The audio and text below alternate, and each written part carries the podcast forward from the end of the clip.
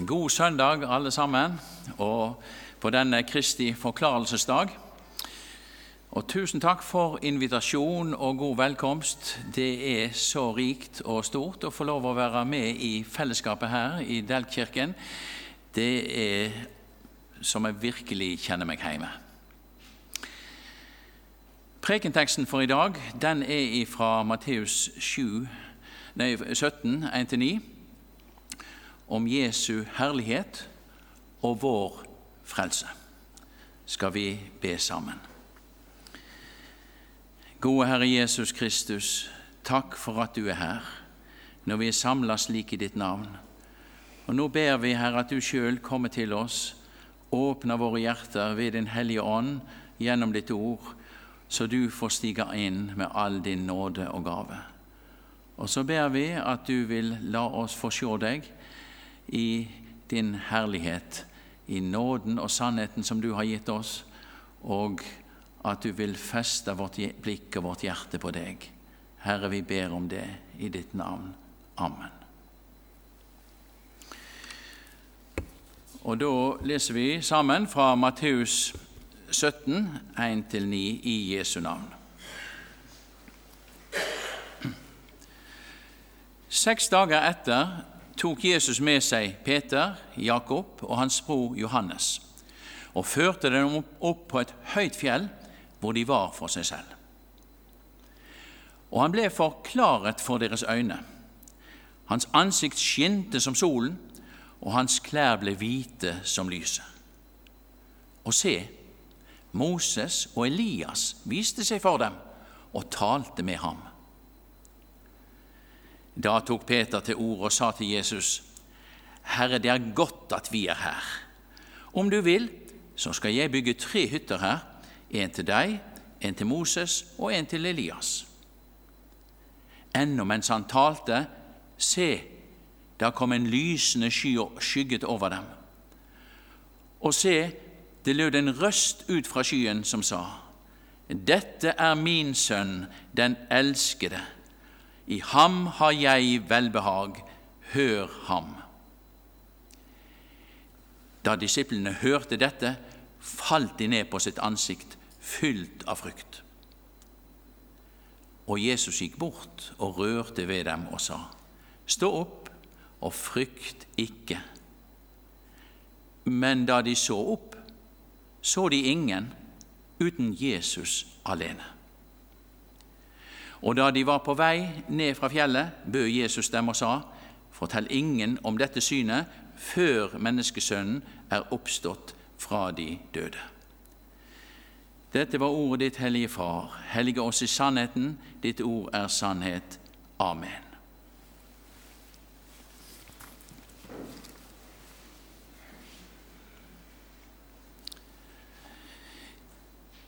Vi får i dagens tekst et glimt av Jesus i hans guddomsherlighet. Og Dette blir fortalt både av Matteus, av Markus og av Lukas, der vi henter vår tekst fra i dag. Det er tre gode kamerater eller venner som er tatt med på fjelltur, Peter og brødrene Jakob og Johannes.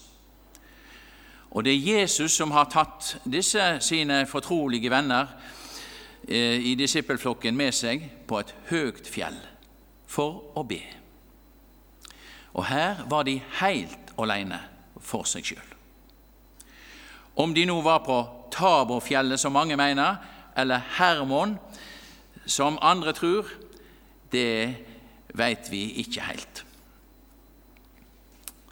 Da begynner plutselig merkelige og oppsiktsvekkende ting å skje som disse tre vennene i Jesu følge aldri hadde opplevd før. De fikk se noe, og de fikk høre noe, som også har stor betydning for oss som er samla her. Først så skjedde det noe med Jesus. De fikk se hvem han egentlig var i sin guddomsherlighet. Han ble for klarhet for dem, står det i min bibeloversettelse. Og det ordet det betyr forvandlet, som det står i andre oversettelser. Hans ansikt skifta utseende, det var annerledes å se til. Og hva denne forandringen av Jesu utsjående bestod i, det blir så utdypa nærmere for oss. Hans ansikt skinte som sol. Det er Guds herlighet som slik lyser fram fra Jesu ansikt. Avglansen av Hans herlighet og avbildet av Hans vesen, som det står i Hebreabrevet 1.3. På fjellet så fikk Jesus ære og herlighet av Gud Fader, vitner Peter senere i sitt andre brev. Herlighet, det betyr det som lyser og stråler fram, og blir brukt i Bibelen om den lysglansen Gud bor i og omgir seg med, og det som stråler fram, lyser fram fra Han og viser Hans ære, Hans storhet, Hans hellighet, opphøyethet over alt og alle. Gud er lys, og det er ikke noe mørke i ham, sier apostelen Johannes senere i sitt første brev. Guds hellighetslys, som nettopp lyser for oss i Guds sønn, avslører alt og trenger gjennom alt ved Guds ord. Det som er skarpere enn noe tveegget sverd. brev 4.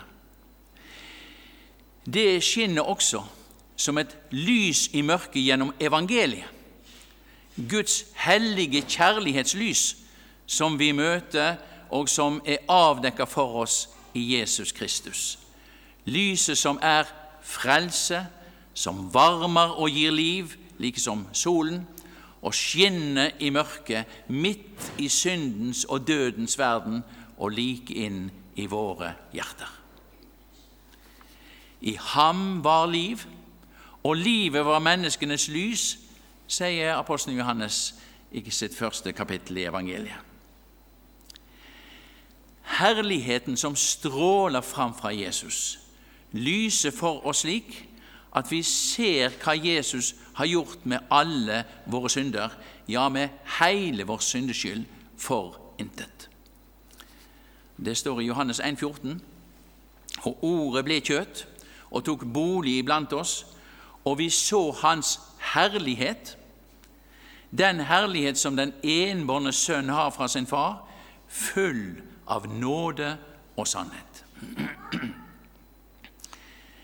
Jesu herlighet og herliggjørelse her lyser for oss tydeligst, aller tydeligst på korset, der han herliggjør Faderen ved å sone all verdens synd for oss, til utfrielse og frelse for oss.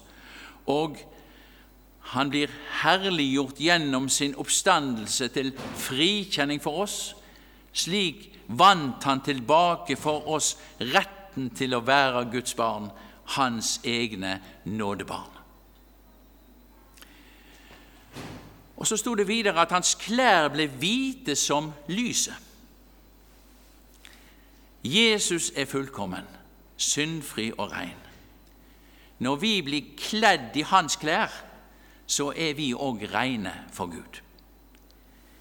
Det virkelig store for oss er at Han gjennom evangeliet kommer til oss med sine klær og kler oss i de der Han ikke blir avvist, der vi hører og tar til oss ordet om Han. Som det står i Jesajas 61,10.: jeg vil glede meg i Herren. Min sjel skal fryde seg i min Gud, for Han har kledd meg i frelsens drakt. I rettferdighetens kappe har Han svøpt meg, lik brudgommen som setter på seg en lue prektig som prestens, og lik bruden som pryder seg med sine smykker. Og I åpenbaringen 7 får vi høre om den store skaren som kommer ut av den store trengsel og er for Guds trone, de har tvettet sine kjortler og gjort dem hvite i lammets blod. Derfor er de for Guds trone. Klærne skinnende hvite som lyset, sammen med det skinnende ansiktet, vitner om Jesu guddomsherlighet. Den herliggjorte Guds sønn, slik som vi også møtte han i Johannes' åpenbaring i leseteksten derifra i dag, som taler sitt ord gjennom apostelen Johannes til menighetene, og som det er avgjørende at vi hører. Denne herligheten som Guds sønn blir nå videre i teksten vår enda tydeligere knytta sammen med hans frelsesgjerninger. For det skjedde jo mer. Plutselig så står to menn framfor dem, som egentlig var døde for lenge siden. Den ene ca. 1200 år før Kristus, og den andre 800 år før Kristus. Moses og Elias viste seg for dem og talte med Jesus. Lukas er den av de tre evangelistene som har skrevet om dette, som forteller mest utførlig om akkurat dette besøket. I Lukas 9, 30-31 så står det Og se, to menn samtalte med ham. Det var Moses og Elias. De viste seg i herlighet og talte om hans bortgang, som han skulle fullbyrde i Jerusalem. Moses representerer loven, tåren. Elias representerer profetene, og vi kan si resten av Det gamle testamentet. Og som Odd Sverre Hove skriver i sin prekenhåndbok i dagen nå på fredag, sammen representerer de hele fylden av Guds forberedende frelsesplan i Det gamle testamentet. Den planen Gud der har åpenbart, er det som nå skal fullbyrdes og fullendes. Jesus, Moses og Elias snakka om Jesu død, hørte vi hos Lukas, og om hans bortgang som kort tid senere skulle fullbyrdes i Jerusalem. Loven og profetene som Moses og Elias representerte, taler om at det skal komme en, komme både en, en Guds profet, lik Moses, slik vi hørte om i den første leseteksten, men som profetene òg videre taler om, skal være en redningsmann som skal ta straffen for syndene våre. Guds lidende tjener, Messias. Ikke minst i Jesajas 53 kommer det veldig tydelig til uttrykk. Og nå sto de der sammen med han, og dermed fikk Peter, Jakob og Johannes se at det virkelig var Jesus og ingen annen som var frelseren deres, Guds salvede, Guds Messias, som Det gamle testamentet hadde profetert og vitne om skulle komme. Det står slik i apostelgjerninga 10 ham, altså Jesus, gir alle profetene det vitnesbyrd at hver den som tror på ham, får syndenes forlatelse ved hans navn. Alt dette Peter hadde vært vitne til, syntes han var så overveldende, så skremmende og stort samtidig å oppleve. Ja, det var så fint, egentlig, å være der sammen med Jesus, Moses og Elias at han sa, 'Herre, det er godt at vi er her.' Om du vil, så skal jeg bygge tre hytter her. En til deg, en til Moses og en til Elias.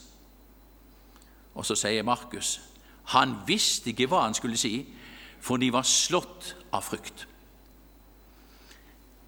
Kanskje er dette på under løvhyttefesten, og at Peter tar fatt i nettopp dette og bygger løvhytter. Ikke vet vi sikkert noe om det, men Peter rakk egentlig ikke å snakke seg ferdig før det kom ei lysende sky og overskygga dem. Den lysende skya den er i Bibelen egentlig uttrykk for Guds nærvær på jorden. Slik er det både i Det gamle og Det nye testamentet. Vi kan tenke på den lysende skya som leda israelsfolket ut av Egypt i, i, ørkenen om dagen, og ildstøtten som gikk foran dem om, om natten, eller var der om natten.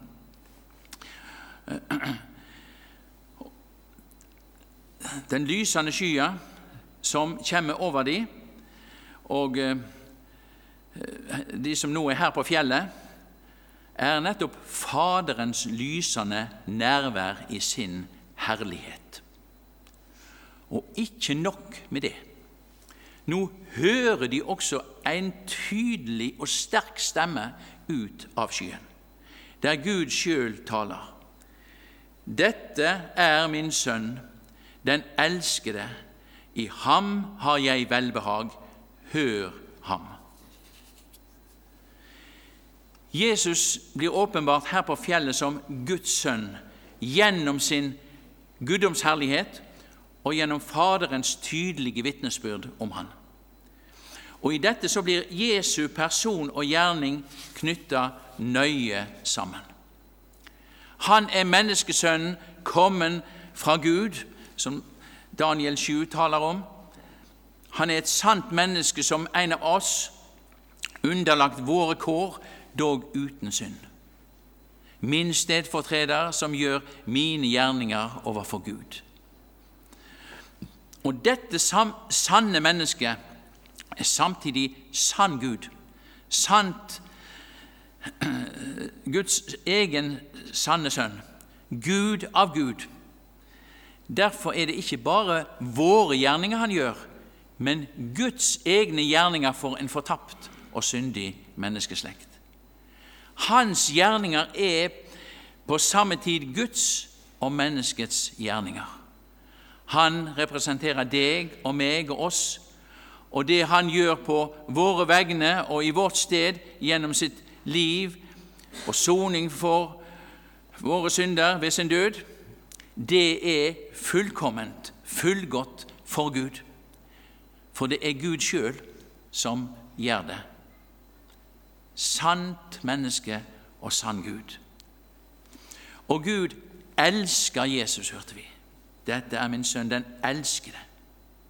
Han elsker Jesus med den kjærligheten som bare Gud har, og alt det han gjør. Han er med alt dette under Guds velbehag som hans utvalgte. Men tenk, Nettopp så glad er Gud, og dermed også Jesus, i deg. For han har gitt Jesus til deg for at du kunne bli Guds barn med alle Guds rettigheter hos Faderen, barnekår og få tilgivelse for syndene. Det var jo derfor Jesus kom til oss. Det var derfor han døde på korset. Det er derfor han, du kan med fremodighet komme til Han ved at Han sjøl får komme til deg gjennom sitt ord som du hører, nettopp når du hører og tar vare på det. Slik Han også kom til deg i dåpens bad, og vi mottar Han i nattverdens brød og vin, fordi nettopp evangeliets ord om Jesus er knytta sammen med vannet, med brødet og med vinen. I Jesus eier du og jeg alt Guds velbehag. Det er å stå under Hans nåde for intet. For de gjerningene Jesus har gjort i ditt og mitt sted, de vitner om De er slik som vi, om vi sjøl skulle ha gjort de, og de blir i Jesus våre gjerninger som er velbehagelige for Gud.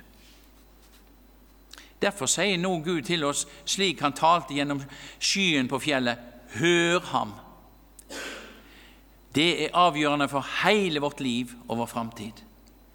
Gud sa akkurat det samme ved Jesu dåp, der Jesus bekjente seg ansvarlig for våre synder og ble døpt til sin lidelse og død. Så å ta imot Guds vitnesbyrd om Sønnen, det er å ta imot Guds frelsesgjerning og dermed det evige liv her og nå. Slik apostelen Johannes vitner i sitt første brev, kapittel 5. Den som har Sønnen, har livet.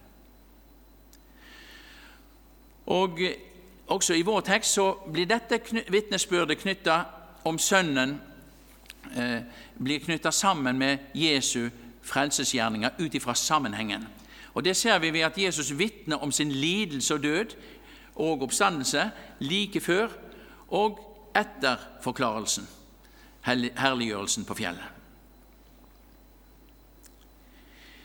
Da, de, da disiplene hørte denne røsten fra himmelen, så falt de ned på sitt ansikt, fylt av frykt, redde. Det er møtet med Guds hellighet som gjør nettopp dette. Både ærefrykt og redsel. Da gikk Jesus bort og rørte ved dem, la hånda på dem og sa:" Stå opp og frykt ikke. Men da de så opp, så var verken Moses eller Elias der. De så ingen uten Jesus alene. Og Derfor så trengte de ikke å være redde. Det var akkurat Jesus de hadde bruk for. For Gud sendte ikke sin sønn til verden for å dømme verden, men for at verden skulle bli frelst ved han. Johannes 3, 17. I Jesus så eier vi alt Guds velbehag som hviler over Han under nåden Hans. Og Derfor kan vi òg være trygge, og bare når vi har Jesus alene overfor Gud og i livet. Da skal vi òg få oppleve det samme en dag som disse tre kameratene og vennene på fjellet. Ja, enda mer. Vi skal se ham som han er, for vi skal bli han like når han åpenbares, vitner apostelen Johannes i sitt første brev, kapittel 3. Jesu herliggjørelse på fjellet peker fram mot oppstandelsen i det fullkomne Guds rike for Guds nådebarn. Som det står i Filippabrevet 3.: Men vi har vårt hjemland i himlene. Derfra venter vi også Herren Jesus som frelser. Han skal forvandle vårt fornedringslegeme og gjøre det likt med sitt herlighetslegeme ved den kraft han har til også å legge alle ting under seg. Og da er all synd, all lidelse, nød og forgjengelighet og død for evig borte. Åpenbaringen 21. Og ved å se på Jesus alene, slik evangeliet tar vårt blikk og retter det på Han og vitner om Han, så blir vi sjøl preget av denne nåden som er gitt oss i Han, slik at andre også kan få et møte av Jesus gjennom oss. Tenk det! Som det står i 2. Korinterbrev 3.: Men vi som er utildekket ansikt, ser Herrens herlighet, nåden og sannheten som er avdekka for oss i Jesus, og som den, den herlighet den enbårne sønn har fra sin far. Ser Herrens herlighet som i et speil.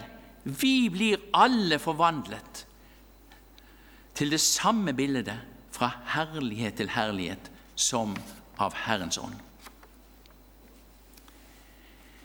Disiplene fikk oppleve forklarelsen på fjellet for at de skulle være øyenvitner overfor alle oss andre. De skulle ikke si noe om det, det som de opplevde, før Jesus var herliggjort ved sin oppstandelse og himmelfart. Men etter oppstandelsen og himmelfarten og Åndens herliggjørelse av Jesus pinsedag gjennom Peters forkynnelse, så vitner nettopp Peter om denne opplevelsen for oss alle, slik vi hører det i 2. Peters brev 1, 16-19. For det var ikke kløktige, uttenkte eventyr vi fulgte, da vi kunngjorde dere vår Herre Jesu Kristi makt og gjenkomst. Men vi hadde vært øyenvitner til Hans storhet, Hans herlighet. For Han fikk ære og herlighet av Gud Fader da en slik røst lød til ham fra den aller høyeste herlighet. Dette er min sønn, den elskede, som jeg har behag i. Og denne røsten hørte vi lyde fra himmelen da vi var sammen med ham på det hellige fjell. Og desto fastere har vi det profetiske ord som dere, dere gjør vel i å akte på. Det er som en lampe som lyser på et mørkt sted, inntil dagen lyser fram og morgenstjernen går opp i deres hjerter.